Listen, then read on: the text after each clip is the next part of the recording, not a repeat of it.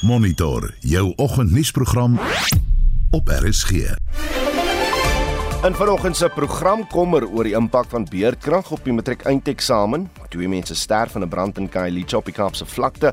Suid-Afrika wil sy handelsbande met Amerika versterk tydens die AGOA forum en die DA sê groot hervorming is nodig om die land se ekonomie te herstel. Welkom by Monitor onder redaksie uh, redaksie met Jan Estreisen. Ons produksieregisseur is Johan Pieterse en ek is Udo Karelse.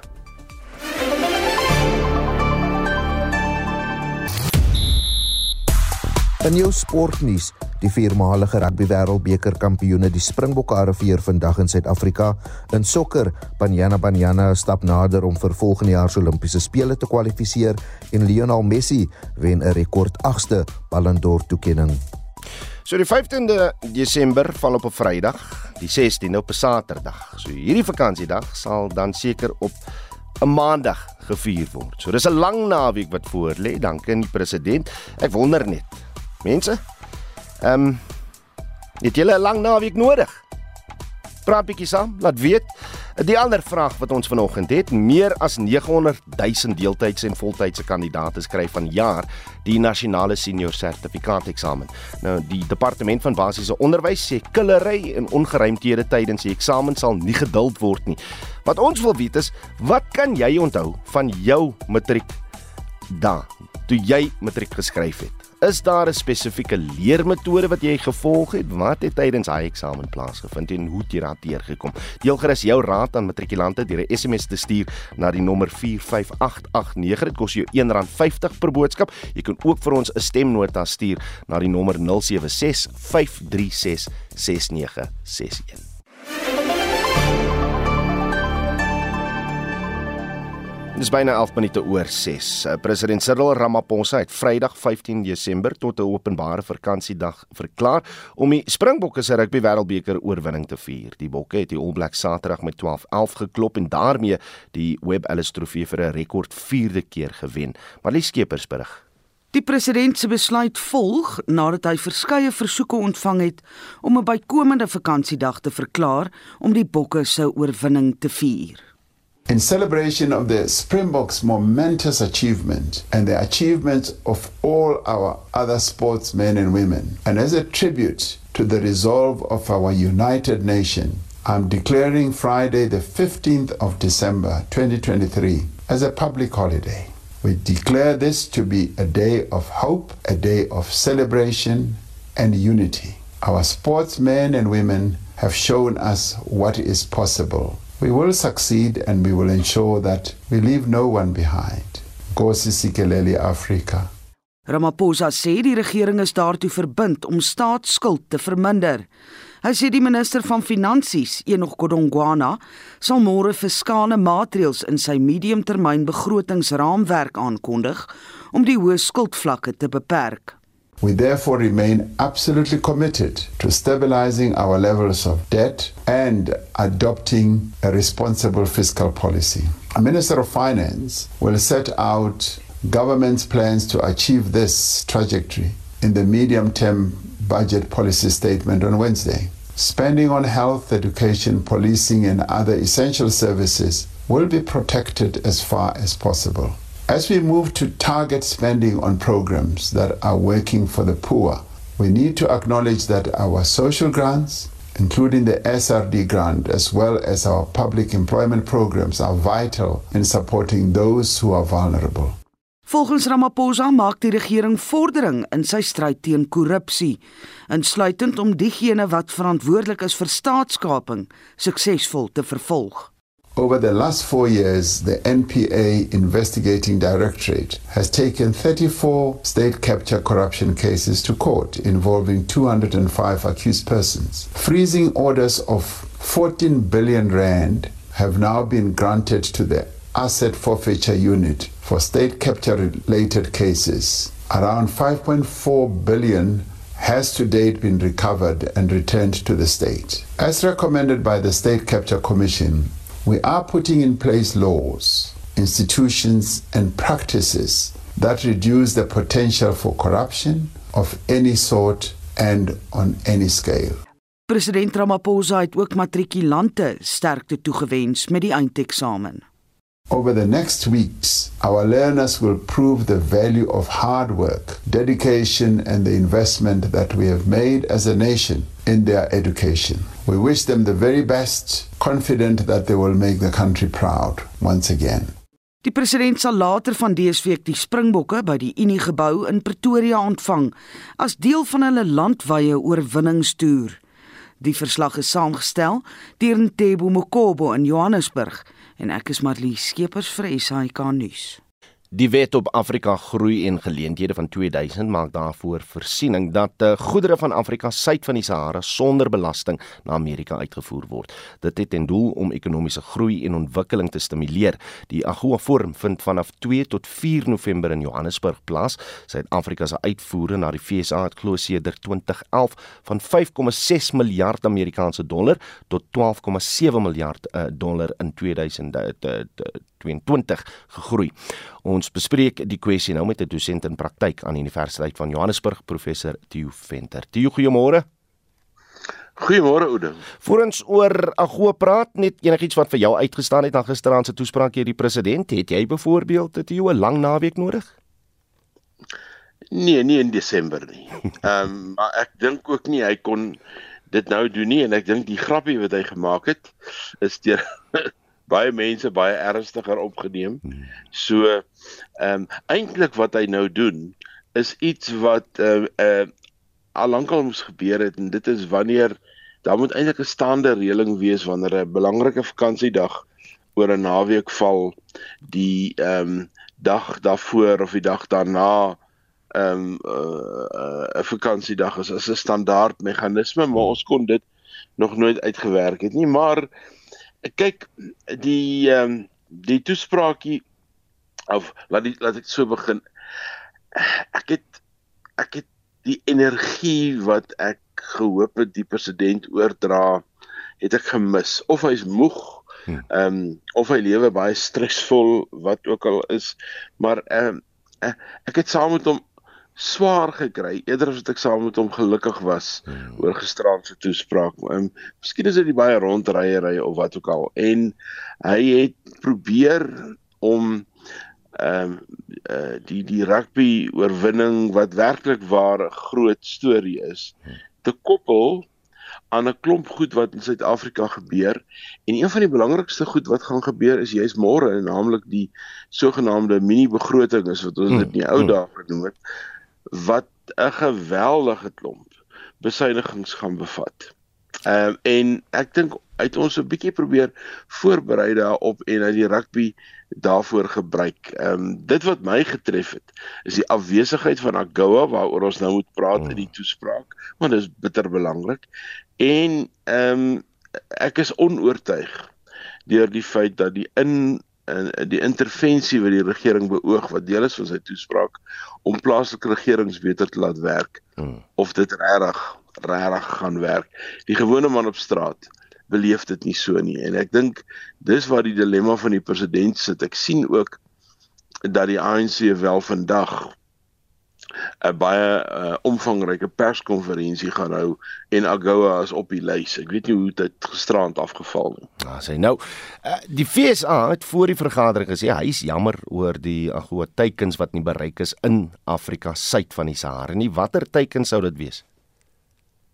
Dit gaan maar oor teikens ehm um, vir ehm um, Afrika lande om uit te voer. Onthou, ehm um, AGOA, Suid-Afrika is 'n groot deelnemer, Nigerië is maar lande soos Lesotho en Botswana en Zimbabwe, nee Zimbabwe is uitgesluit. Hmm. Ehm um, is almal lande wat wat aan die AGOA proses kan deelneem. Dit is om toegang te kry tot die Amerikaanse mark sonder die swaar eh, tariewe wat daaraan geheg word. So dis eintlik 'n 'n stimuluspakket hmm. ehm um, wat wat daar omgebou is en Suid-Afrika is een van die lande wat geweldige voordeel trek omdat ons ehm um, die reëlings van AGOA so klein bietjie weier geïnterpreteer het. Ons voer byvoorbeeld motorvoertuie. Ons hele plan om 'n groter uitvoergeleide uh motormeesterplan, as ek dit so kan uitdruk, binne AGOA te vestig.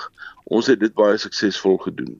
Nigerië voer olie uit in terme van AGOA wat eintlik nie die oorspronklike bedoeling was nie, maar ons het kreatief daarmee omgegaan en ehm um, uh, ek dink van die teikens waarna verwys word ook het te doen gehad met die impak van COVID en alles wat daarmee gepaard gaan.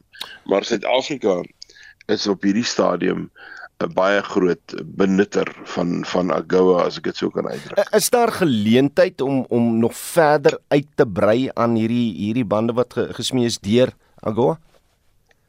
Ja, daar's beslis geleentheid.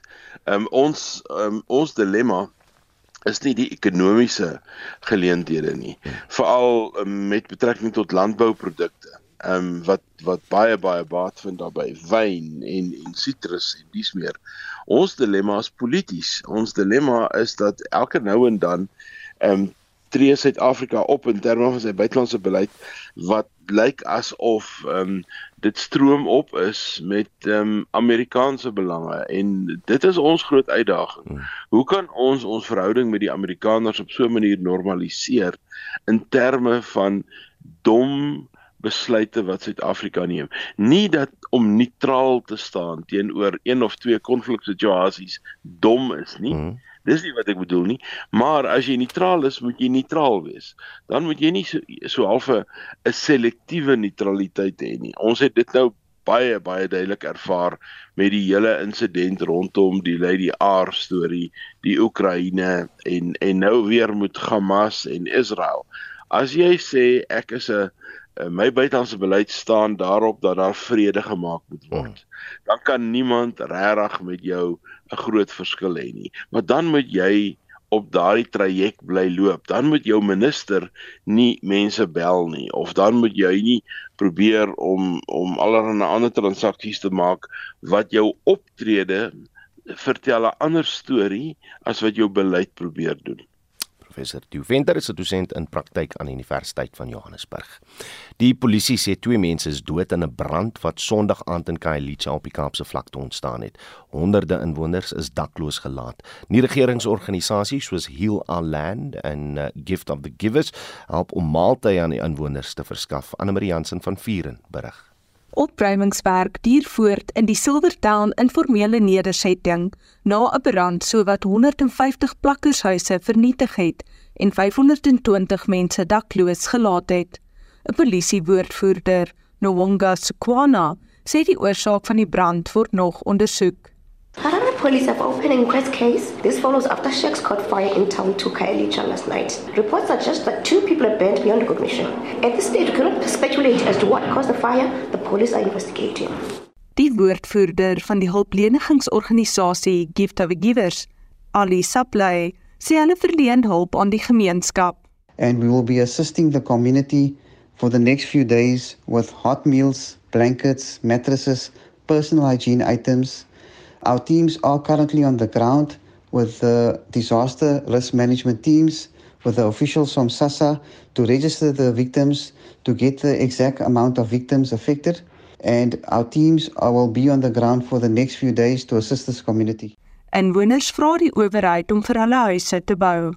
I don't know what to do. I feel I can scream and cry because this thing it's the second time now. What must i do? I didn't get anything. I am still waiting for something to get. What is happening now?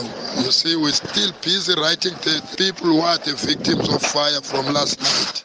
'n woordvoerder vir Kaapstad se rampbestuur Sonika Lategan sê 'n gesamentlike operasionele sentrum is in Kalicha gevestig om hulpverlening te koördineer ramprisikobestuur amptenare bygestaan deur die stad se direktoraat menslike nedersettings doen 'n assessering om die presiese aantal persone wat geraak word te bepaal.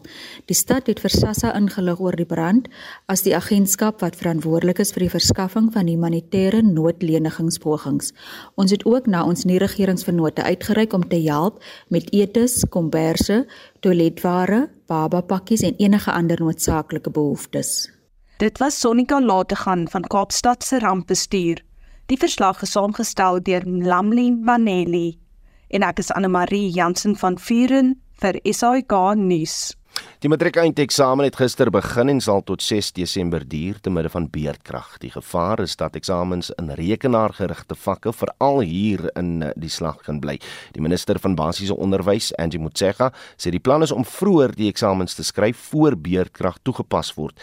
Meer as 900 000 voltydse en deeltydse kandidate gaan vanjaar matriek skryf. Ons praat nou hieroor met die hoof van ontwikkeling by Solidariteit se skole ondersteuningsentrum, Melanie Buys. Melanie, goeiemôre. Goeiemôre Oudo. Een skool se eksamens is reeds ontwrig as gevolg van beerdkrag. Gevolglik hmm. moet 14 leerdlinge die rekenaar toepassingstegnologie vraestel in Desember herskryf. Wat is die terugvoer van skole wat aan julle verbonde is oor die verloop van eksamen sover? Ja, oor die die die ehm um, goeie ding is dat van die praktiese vakke is reeds nou afgeskryf of die die praktiese gedeeltes is reeds afgehandel. Dis waar daai RTT studente en of leerders nou vandaan kom. Ehm um, gelukkig is dit 'n baie klein aantal ehm um, leerders, maar dit is nie vir hulle baie lekker nie. Ehm um, die uitdagings met uh, is met ander woorde minder nou. Die dis nou die gewone vraestelle wat geskryf gaan word en meeste van die leerders maak dan nou klaar die 1 Desember. Ehm um, ons het gister so vinnige opname gemaak net uh, onder die skole wat ons lede is en meeste van daai skole het het planne in plek om seker te maak dat die met dat die eksamen nie ontwrig gaan word nie. En ja, wel dis planne wat van die gemeenskap afkom. Ongelukkig ehm um, daai planne kom nie van die departement af nie. Uh, so die ja. gemeenskappe maak self plan om seker te maak hulle kinders kan die eksamen suksesvol aflê. Ek wou nou net gevra want volgens die departement was daar vir hierdie jaar geval waar die kragopwekkers ook ingegee tydens beerdkrag by die Hillview sekondêre skool skool mm. in die, die Tshwane distrik in Gauteng. Al die rekenaars is daar vernietig. As die gemeenskap mm. nou self planne maak, wat is die departement se planne?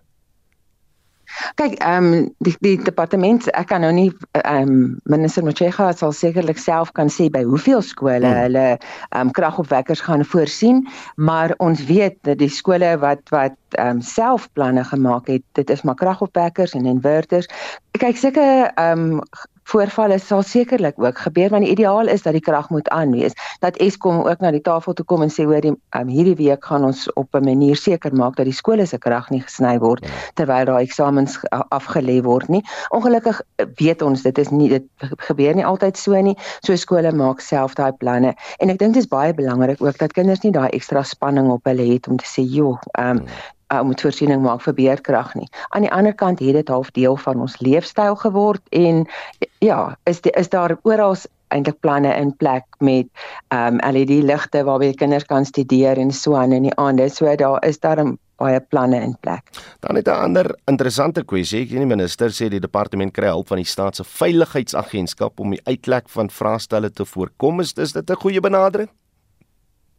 Wel, die uitleg van vraestelle is verskriklik belangrik dat mense dit keer. Ehm um, en en watter hulp hulle dan ook al nodig het om dit te keer is verskriklik belangrik. Uh ons van van die skoolondersteuningsdienste se kant eh, se standpunt is net wanneer daar so iets gebeur, moet daar baie sterk teen die amptenare of onderwysers want dis gewoonlik is hulle ook deel van die ding of teen die leerders wat dit doen, baie sterk opgetree word. Dat hulle sien dis nie die moeite werd nie, dat dit nie moet gebeur nie. Ehm um, en dit is moontlik. Daar is natuurlik ook baie ehm um, tegnologie in plek wat 'n ou kan gebruik met elektroniese slotte wat wat sekere vraestelle op sekere tye vrystel en so aan. So daar's eh, kameras, daar's baie maniere om seker te maak daarvan. Ehm um, en dit moet gebeur. Dit moet in plek wees, maar as dit verbreek word, moet daar sterk opgetree word. Melanie Buys, dankie vir jou tyd op Monitor. Sy is die hoof van ontwikkeling by Solidariteit se skole ondersteuningsentrum. Wêreldnuus. Israel se eerste minister Benjamin Netanyahu het aan uh, of het alle internasionale eise vir 'n skietstilstand in die Gaza-strook van die hand gewys. Estie de Klerk sluit nou by ons aan met die jongste nuus oor die konflik in Israel en Gaza. Netanyahu sê 'n skietstilstand sal beteken Israel gee alle mag oor aan Hamas. Hy het in Tel Aviv gepraat en gesê en ek haal aan hierdie is 'n tyd vir oorlog. Victory over these enemies begins with moral clarity. It begins with knowing the difference between good and evil, between right and wrong. It means making a moral distinction between the deliberate murder of the innocent and the unintentional casualties that accompany every legitimate war, even the most just war. En dis Israel se eerste minister Benjamin Netanyahu. As deel van hulle uitgebreide grondoperasies teen Hamas het magte in Gaza een van die hoofroetes wat van noord na suid loop afgesny. Ooggetuies sê tankers en stootskrapers is opgemerk in die gebied wat die hoofstad in Gaza met die res van die strook verbind. Intussen het humanitêre hulpverleningsorganisasies van die Verenigde Nasies eise vir 'n skietstilstand by die VN se Veiligheidsraad beklemtoon. UNICEF sê die situasie in Gaza raak erger by die uur en die ware koste van die konflik sal in kinders se lewens gemeet kan word. Catherine Russell is die uitvoerende direkteur van UNICEF. I implore the Security Council to immediately adopt a resolution that reminds parties of their obligations under international law, that calls for a ceasefire, that demands the parties allow safe and unimpeded humanitarian access, that demands the immediate and safe release of all abducted children, and that urges parties to afford children the special protection to which they are entitled. The Security Council should prioritize what is now a worsening displacement crisis with more than 1.4 million people in Gaza, the majority of whom are children now displaced. En dit was die uitvoerende direkteur van UNICEF, Catherine Russell. Chirurge by hospitale in Gaza het die situasie as afgryslik bestempel. Volgens Hamas is meer as 8000 mense in die Gaza-strook dood sedert Israel se teenoffensief op Hamas se aanval in Israel geloods het. Ten minste 1400 mense is reeds in Israel dood en ten minste 239 mense is ontvoer en word as gijslaar aangehou. So daarvan gepraat, Hamas het gister 'n video waarin 3 gijslaars wat in Gaza aangehou word vrygestel. En Netanyahu het die video as wrede sielkundige propaganda bestempel, terwyl een van die paas van die 3 gijslaars gesê het sy hart het byna gaan staan toe hy sy dogter in die video sien. Intussen het die Israeliese weermag bevestig dat hy een soldaat wat op 7 Oktober deur Hamas ontvoer en as gijslaar aangehou is, bevry het. Dis die eerste reddingspoging van 'n gijslaar. Die BBC se diplo diplomatieke korrespondent Paul Adams het meer inligting oor die gijslaar situasie. The circumstances in which that video was made, it can only be assumed that these are deeply traumatic circumstances and that the three women presented on it were there in circumstances of extreme duress. But you know, the stinging criticism that Danielle Aloni delivered at the role of the Israeli government of Benjamin Netanyahu. That cuts to the heart of some of the debates that are swirling around this country and have been ever since October the 7th. Why was it that the government was unable to prevent the attacks, the massacres, and the abductions of that day? en dit was die Paul Adams. Die adjunk konsul-generaal van Israel in New York, Sak Sar, sê Israel is doelgerig om Hamas. The mission is to eradicate Hamas's uh, capabilities and will to ever commit these atrocities again, and of course, bring back home safely the hostages. Of course, it's going to be a long campaign. Don't forget that we are targeting Hamas terrorists, which are around few dozens of thousands of terrorists within a population of 2.3 million in the Gaza Strip. So it's difficult, it's complicated, it's going to take time, but we are strong and we will prevail. En dit was die adjunk konsul-generaal van Israel in New York, Sak Sar. Die hoof van die Verenigde Nasies hulpverleningsorganisasie vir Palestynse vlugtelinge sê egter die humanitêre krisis in Gaza verdiep met elke aanval wat geloods word.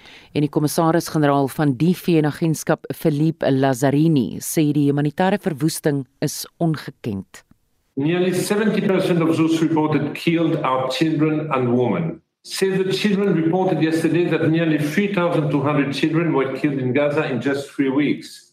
This surpasses the number of children killed annually across the world's conflict zones since 2019. This cannot be collateral damage. Churches, mosques, hospitals, and UNRWA facilities, including those sheltering displaced people, have not been spared. Hy was die kommissaris-generaal van die VN-hulpverleningsorganisasie vir Palestynse vlugtelinge, Philippe Lazzarini. 64 werknemers van die VN-agentskap is dood sedert Israel se teenaanvalle in Gaza begin het. En dit was Estie met 'n oorsig van die situasie in Gaza. Jy luister na Monitor. Elke weekoggend tussen 6 en 7. 6:33 en in die tweede helfte van ons program ons vind uit wat die DA se alternatiewe mediumtermyn begrotingsraamwerk behels en Amerika, Japan en die Verenigde Koninkryk sal die week al rentekoerse aanpas wat 'n invloed kan hê op Suid-Afrika se repo koers. Bly ingeskakel hier op RSG.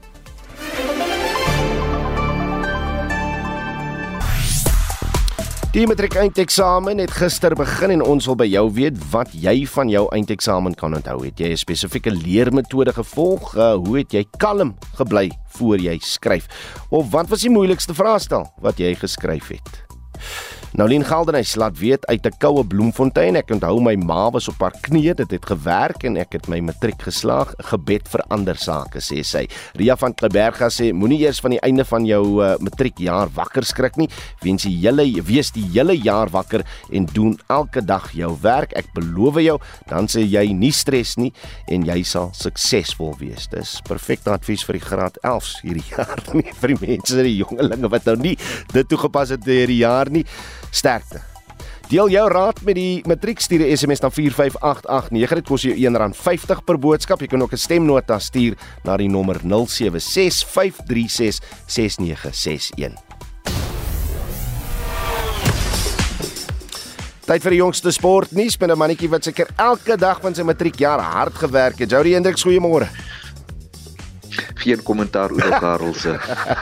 Reg, die hele wêreld is op pad na OR Tambo toe vanoggend. Hoekom? Die viermalige wêreldkampioene, die Springbokke arriveer om 11:00 met 'n media konferensie wat om 12:00 plaasvind. Hulle kan môre darm 'n bietjie rus met die trofee toer wat donderdag in Gauteng begin. Intussen is daar bevestig dat die Springbok hakker Malcolm Marx se hele Japaneese klubrak seisoen weens die besering wat hy by die Wêreldbeker opgedoen het, gaan misloop. Reg, jou wat aksie by die Cricket Wêreldbeker vandag. Ja, gister Afghanistan eh, vir Sri Lanka met 7 paaltjies geklop. Dit was Rashid Khan se 100ste wedstryd. Vandag is dit Pakistan en Bangladesh wat opponente gaan wees. Môre kom eh, die Proteas teen Nieu-Seeland te staan, die afrigter van die Proteas. Rob Walter sê hulle is geïnspireer deur die Bokke se sege by die Rugby Wêreldbeker en ook gepraat oor sy plaaslike kennis van die Kiwi span. The boys love their rugby, so it was awesome to share that moment and experience together. I think it's all been said before about the Springbok side. They continue to inspire and give hope. Certainly to us as a team, they do exactly that. To see what they've done and the levels that they've reached is just an inspiration for us as a team, really. I guess there's some local knowledge in terms of their players, and I've worked with a fair number of them and played against pretty much every one of them. So, quality cricketers stay quality cricketers if it was just as easy as doing your scouting or your prep against them, and that was the end of it. It would be a pretty easy game. So, they've been playing really good cricket, a little bit of inside info on them, and we'll see how that stacks up on the day. Weet, die Proteas het nou wel in tweede plek op uitmunteleer, nê. Nee, maar mm -hmm. hy hy maak my bietjie bedout, maar ons ons wag maar tot na môre se wedstryd dan gesels ons weer daaroor. Sokker toe in Banyana Banyana was gisteraand aan die wenkant teen die DRK. Ja, hulle moes hard werk om 2-0 met uh, die derde af te reken en is nou 'n stap nader om vir aanstaande jaar se Olimpiese spele in Parys te kwalifiseer. Tembi Katlane het albei doele vir Banyana Banyana aangeteken. Slegs twee vroue spanne van Afrika kan vir aanstaande jaar se spele in Parys kwalifiseer, Oudo. En die debat duur voort uh, oor die Ballon d'Or toekenning wat uiteindelik in Lionel Messi se hande gisteraand uh, geland het vir 'n rekord 8ste keer en hy vir Kylian Mbappé en Erling Haaland geklop om die toekenning te wen en dan Messi het die toekenning aan die Argentynse legende Diego Maradona opgedra wat gister 63 jaar oud sou word net om te herhaal 'n 8ste Ballon d'Or toekenning vir die Argentynse legende Lionel Messi. Dit dan Jody Hendricks van RSG Sport. Die DA sê groot hervorming is nodig om Suid-Afrika se ekonomie te herstel. Die party het sy eie mediumtermyn begroting saamgestel en die DA skare minister van finansies Dion George praat nou met ons oor die party se voorgestelde mediumtermyn begroting. Dion, goeiemôre. Goeiemôre en goeiemôre aan jou luisteraars. As hy die DA stel 5 prioriteitsbeleidpunte voor, wat is dit Dion? Ek gaan in Engels beantwoord, my Afrikaans is nie goed genoeg nie. Ehm Donkey. Um, we have five key priorities, and most importantly, is we need to grow our economy to generate jobs. We need to address the energy crisis, the never-ending bailouts um, to the state-owned enterprises, and the blackouts that are driving our economy into the ground. We need to address the spiraling debt and the expenditure overruns that government is now forcing on the economy. We also need to address the support for vulnerable South Africans with 41% of households unable to put enough food on their tables. We need to see government needs to intervene there. And also we need to fight corruption because we're grey listed and that is getting in the way of our international transactions and that's also hurting our economy. So those are the five key priority areas that we want government to focus on. Hmm. Jy jy kan net kos op die tafel sit of uh, jou skuld las vir effen as jy werk het. Wat is die ideale oplossing vir vir werkloosheid in Suid-Afrika? Well, government is positioned in the wrong place in the economy. So it's in the center and it wants to be a so-called developmental state, but it is incompetent, it is corrupt, and it and it is um, not getting to where we need to go. So the crucial thing is that we need to attract investment. That's the way that our economy can grow. Because if we don't grow, we're not going to get the jobs. So what government needs to do is to make it easier for foreign direct investment, and that means to make us an attractive destination and then also to encourage domestic savings because South Africans don't save and therefore can't invest. Mm. So if government creates that economic ecosystem, we can actually get the investment we need and we can get entrepreneurs, we can get rid of red tape. It is possible for us to grow the economy if government picks the right policies. Daar daar's redes vir ons swak groei wat buite ons beheer is, maar maar wat is die DEA se siening oor hoe die regering bydra tot swak groei? Well, governments picked the wrong model. What it needs to do, it needs to encourage entrepreneurship, and then it needs to stop its race-based policies that are distorting our our labor markets, and it also needs to scrap its its BEE policy at the moment that is strangling our economy. Because what it's done, it's created an agency in the economy, so it's created rent seekers who are not adding any value. If it just did, those things, it would immediately lift up our economy because there's too much unproductive activity going on that is costing the taxpayers too hmm. much money and that is sucking money out of the economy that could be better used elsewhere.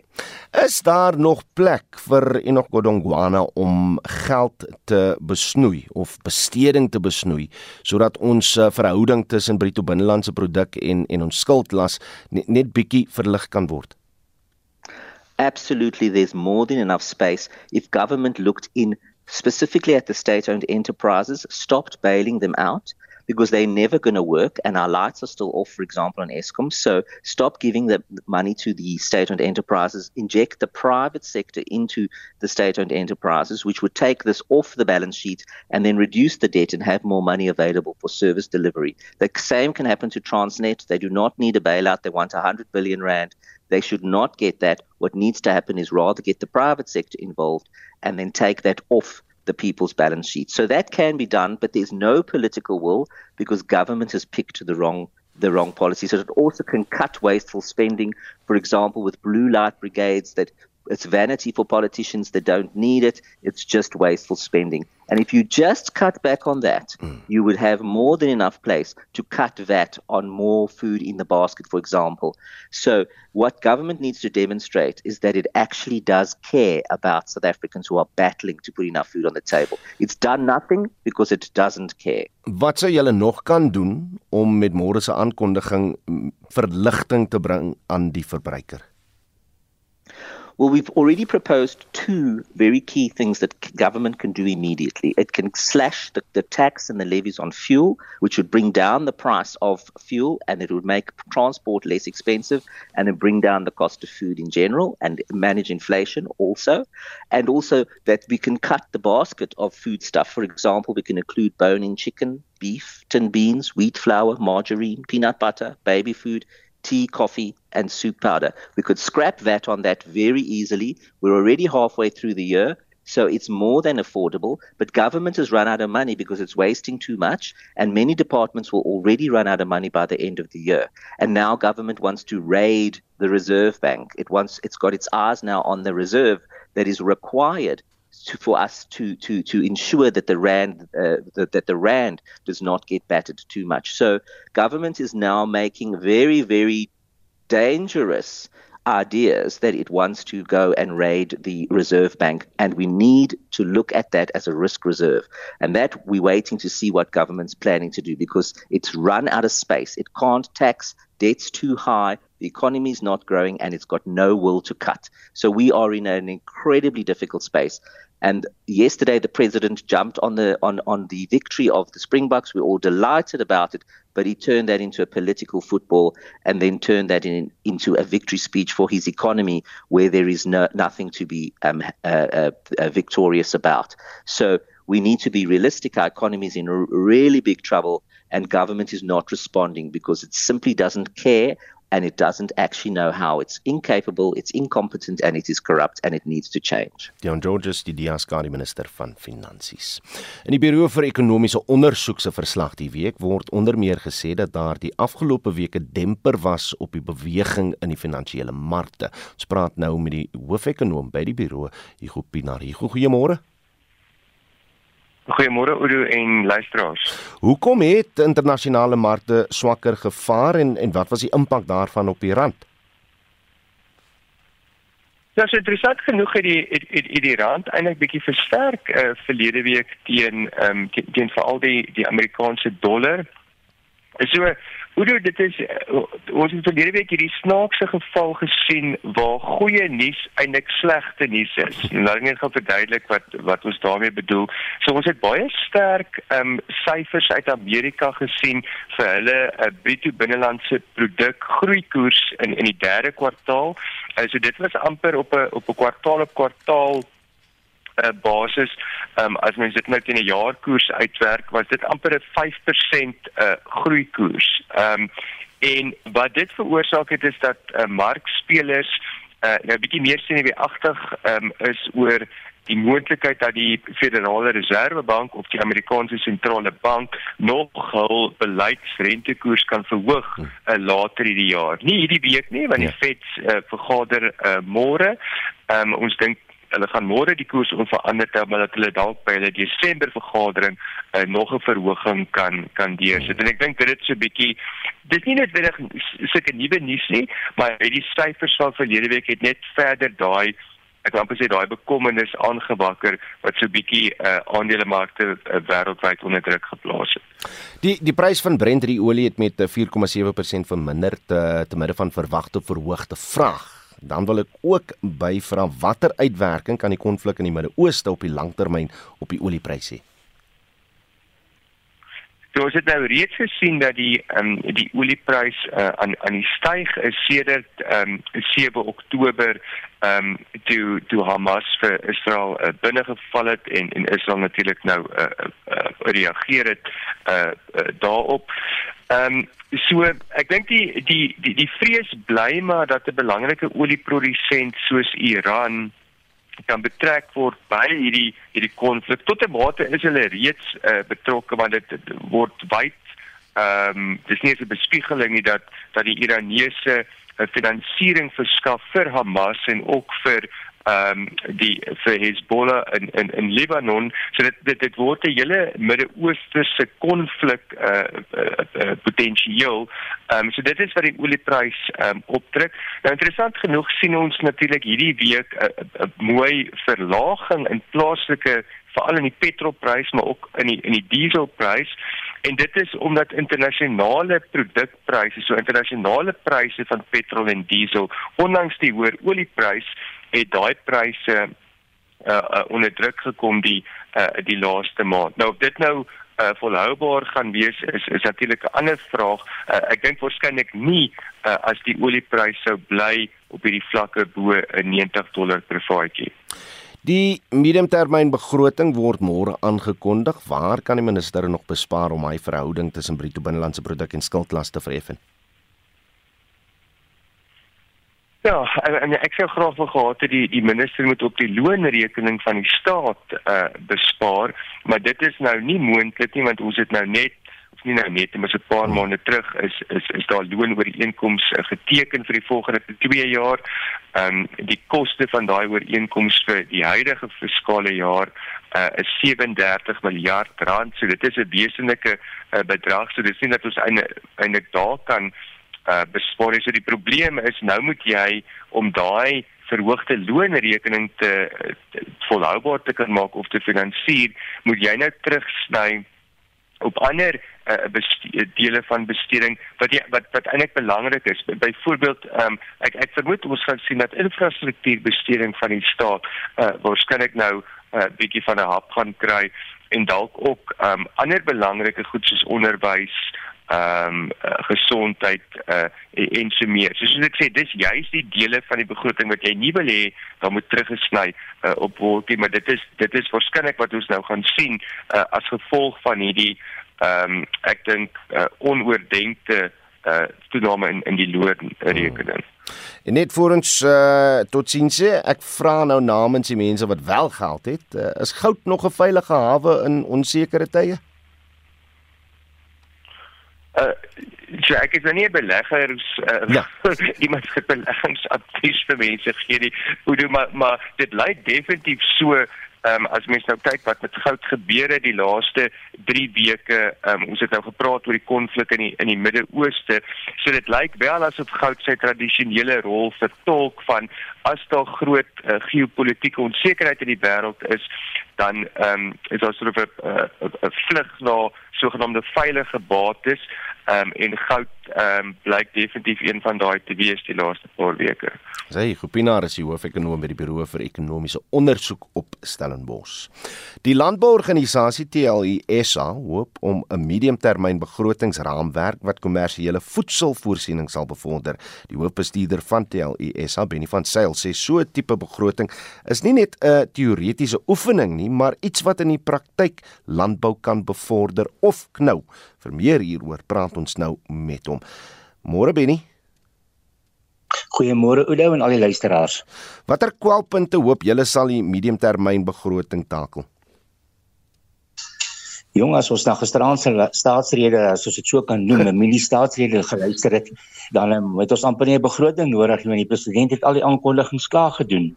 Ehm um, my kommer is net as ons hom gisteraand luister en ek wil vra, glo hy homself en dan is ek baie bekommerd. Ehm um, want dan gaan dit goed in Suid-Afrika en ongelukkig weet ons almal dit gaan nie goed in Suid-Afrika nie. Ons sit vandag met 'n baie vervalende infrastruktuur situasie wat regtig ons ekonomie klou. Ek dink ons moet teruggaan na die beleidsomgewing toe. Dit is regtig die groot knelpunt van Suid-Afrika, 'n beleidsomgewing wat oor jare heen 'n resultaat gelewer het wat nie vertroue inboesem nie, wat nie die nodige beleggingstafel toe bring nie, wat weer kaderontplooiing en transformasie sekere aspekte soos hulle dit uitspeel nê, hmm. um, tafel toe gebring het wat vir Suid-Afrika nie goed is nie. Ons het nie die nodige ekonomiese groei nie. En ek dink die fokus moet wees, hoe kan ons die ekonomie groei? En dit beteken 'n ekonomies gerigte wat deur markkragte geëvalueer kan word benaderingswyse, nie 'n ideologiese benadering hmm. wat ons derentyd ervaar nie. So ons het groot probleme ten opsigte van die beleidsomgewing en die uitspeel daarvan wat dan vergestalt in hierdie tipe van ehm um, vervalende infrastruktuur, nie kundigheid op sekere poste nie, en korrupsie, al hierdie aspekte wat oor tydperk heen lippediens is om dit word elke keer aangekondig, maar nie nêrens sien ons die resultate dat daar 'n omkeerpunt is. Maar, maar Benny, waar en hoe moet die beleidsrigting aangepas word? Ons dink dat daar moet baie sterk gefokus word op daai aspekte wat gaan seker maak hoe kry jy ekonomiese groei? En daar is 'n hele klomp voorwaardes en voorvereistes wat nodig is om dit reg te kry. Jy begin met 'n gesonde beleidsomgewing, dan sit jy met 'n situasie en dit moet ekonomies gerig wees. Dit moet vertroue inboesem. Jy moet dan sit met infrastruktuur. Dit is 'n krities belangrike punt. In Suid-Afrika is dit besig om ons ernstig te knoei. Vir landbou raak dit 'n doodskoot vir ons om ons produkte by markte uit te kry.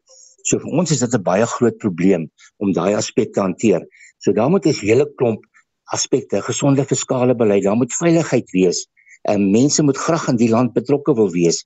Ons sit vandag dat versekeringsmense in sekere omgewings nie meer mense wil verseker nie, want die herversekeraars internasionaal sê ons kan nie meer daai plekke ondersteun nie. Die risiko is te groot. Dit kom als terug na 'n beleidsomgewing en die toepassing daarvan oor tydperk heen. Suid-Afrika is nie op 'n gesonde plek nie. Daar moet totaal herbesin word met 'n beleidsomgewing en dit is ons groot kommer. Die afgelope jaar was 'n moeilike een vir vir uh, landbou. Watter tipe infrastruktuur en rampbestuurbesteding moet plaasvind, Benny? Natuurlik is dit vir ons 'n baie groot knelpunt. Wanneer ons rampe het, is ons regering totaal afwesig.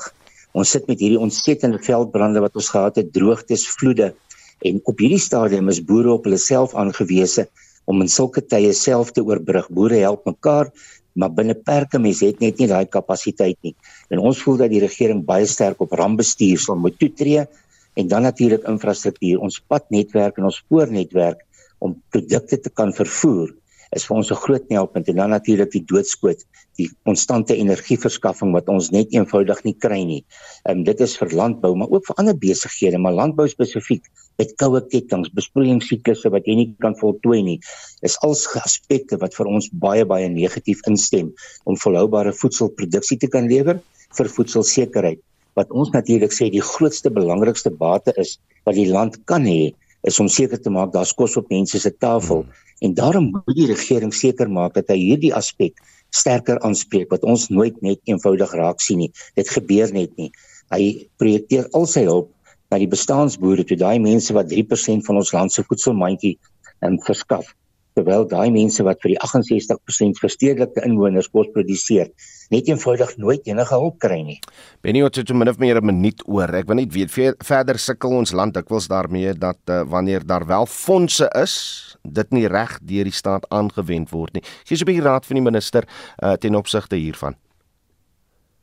Oor dit is natuurlik 'n groot probleem. Ons moet die minister sien as deel van 'n direksie van 'n maatskappy. Hy is een van die direkteure, die finansiële direkteur en die res van hierdie direksie is saam aanspreeklik vir die uitspeel van Suid-Afrika se resultaat as dan hierdie maatskappy as ons van hom so kan praat. Hierdie maatskappy doen nie goed nie. Daar's te veel korrupsie, daar's tenderbedrog, daar's selfverryking, daar's aanstellings wat nie noodwendig die kundigheid tafel toe bring wat nodig is nie.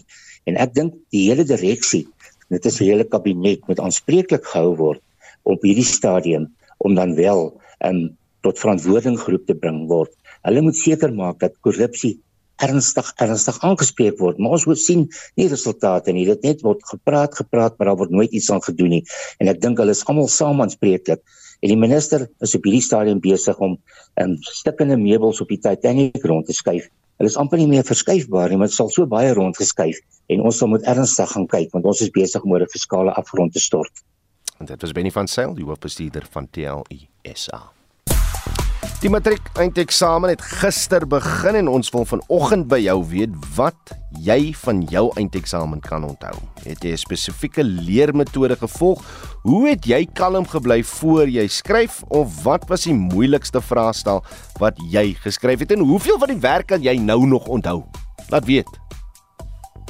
Gresham is so ek onthou nog my uh, matriekjaar toe ek die eerste vraestel afgelê het toe ons nou klaar geskryf het, toe gaan ek nou uit in ons gesels nou saam met die vriende en daar het ek so sleg gevoel van ek hoor toe jy altyd hoe my vriende sê hoe dan nou dit geskryf en daai geskryf en ek het dit daai goed geskryf en toe ek nou by die huis kom voel ek nou so sleg en ek huil toe en ek sê toe vir my ma wat gebeur het en my ma het my die beste haar ooit gegee. Sy sê vir my as ek klaar geskryf het Jy kom onmiddellik huis toe en wag vir niemand nie. En daai advies was die beste advies geweest. Pastoor Gerard het praat. Ek het matriek in 80 geskryf. Daai tyd het jy skool gegaan tot en met 10de Desember. Daar was nie van huis toe gaan nie, sulke goeders nie. En nog 'n ding is dat jy moes biblioteek toe gaan om alles na te slaan. Daar was nie tegnologie soos vandag nie. Maar tog was dit lekker. En dan net vinnige boodskap oor die uh, openbare vakansie van die 15de. Ek sien uh, Jonathan April van Goude sê môre, ek dink die president is slim. Hy is bewus dat meeste van die besighede teen die 15de Desember dit sluit so wie baat uit die guns, nie Jan Allerman nie. Maar dankie, sê Jonathan nietemin. Deel meer vir jou raad met uh, die matriek stuur 'n SMS na 45889. Dit kos jou R1.50 per boodskap. Jy kan ook vir ons nog van hy lekker stemnota stuur. Uh, ons speel ons om hier op Spectrum vanmiddag tussen 12 en 1 die nommer natuurlik 076 536 6961. Onthou vorige uitsendings van al ons nuus en aktualiteitsprogramme as 'n potgooi uh, op RSG se webtuiste beskikbaar. Uh, gaan net na rsg.co.za. Ons groet namens ons uitvoerende regisseur Nicoline de Wee, die redakteur vanoggend is Jan Esterhuizen, ons produksieregisseur is Johan Pieterse en ek is Oudo Karel. Se geriet en geniet die res van die dag in geselskap van RSG op en wakker is volgende. Totsiens.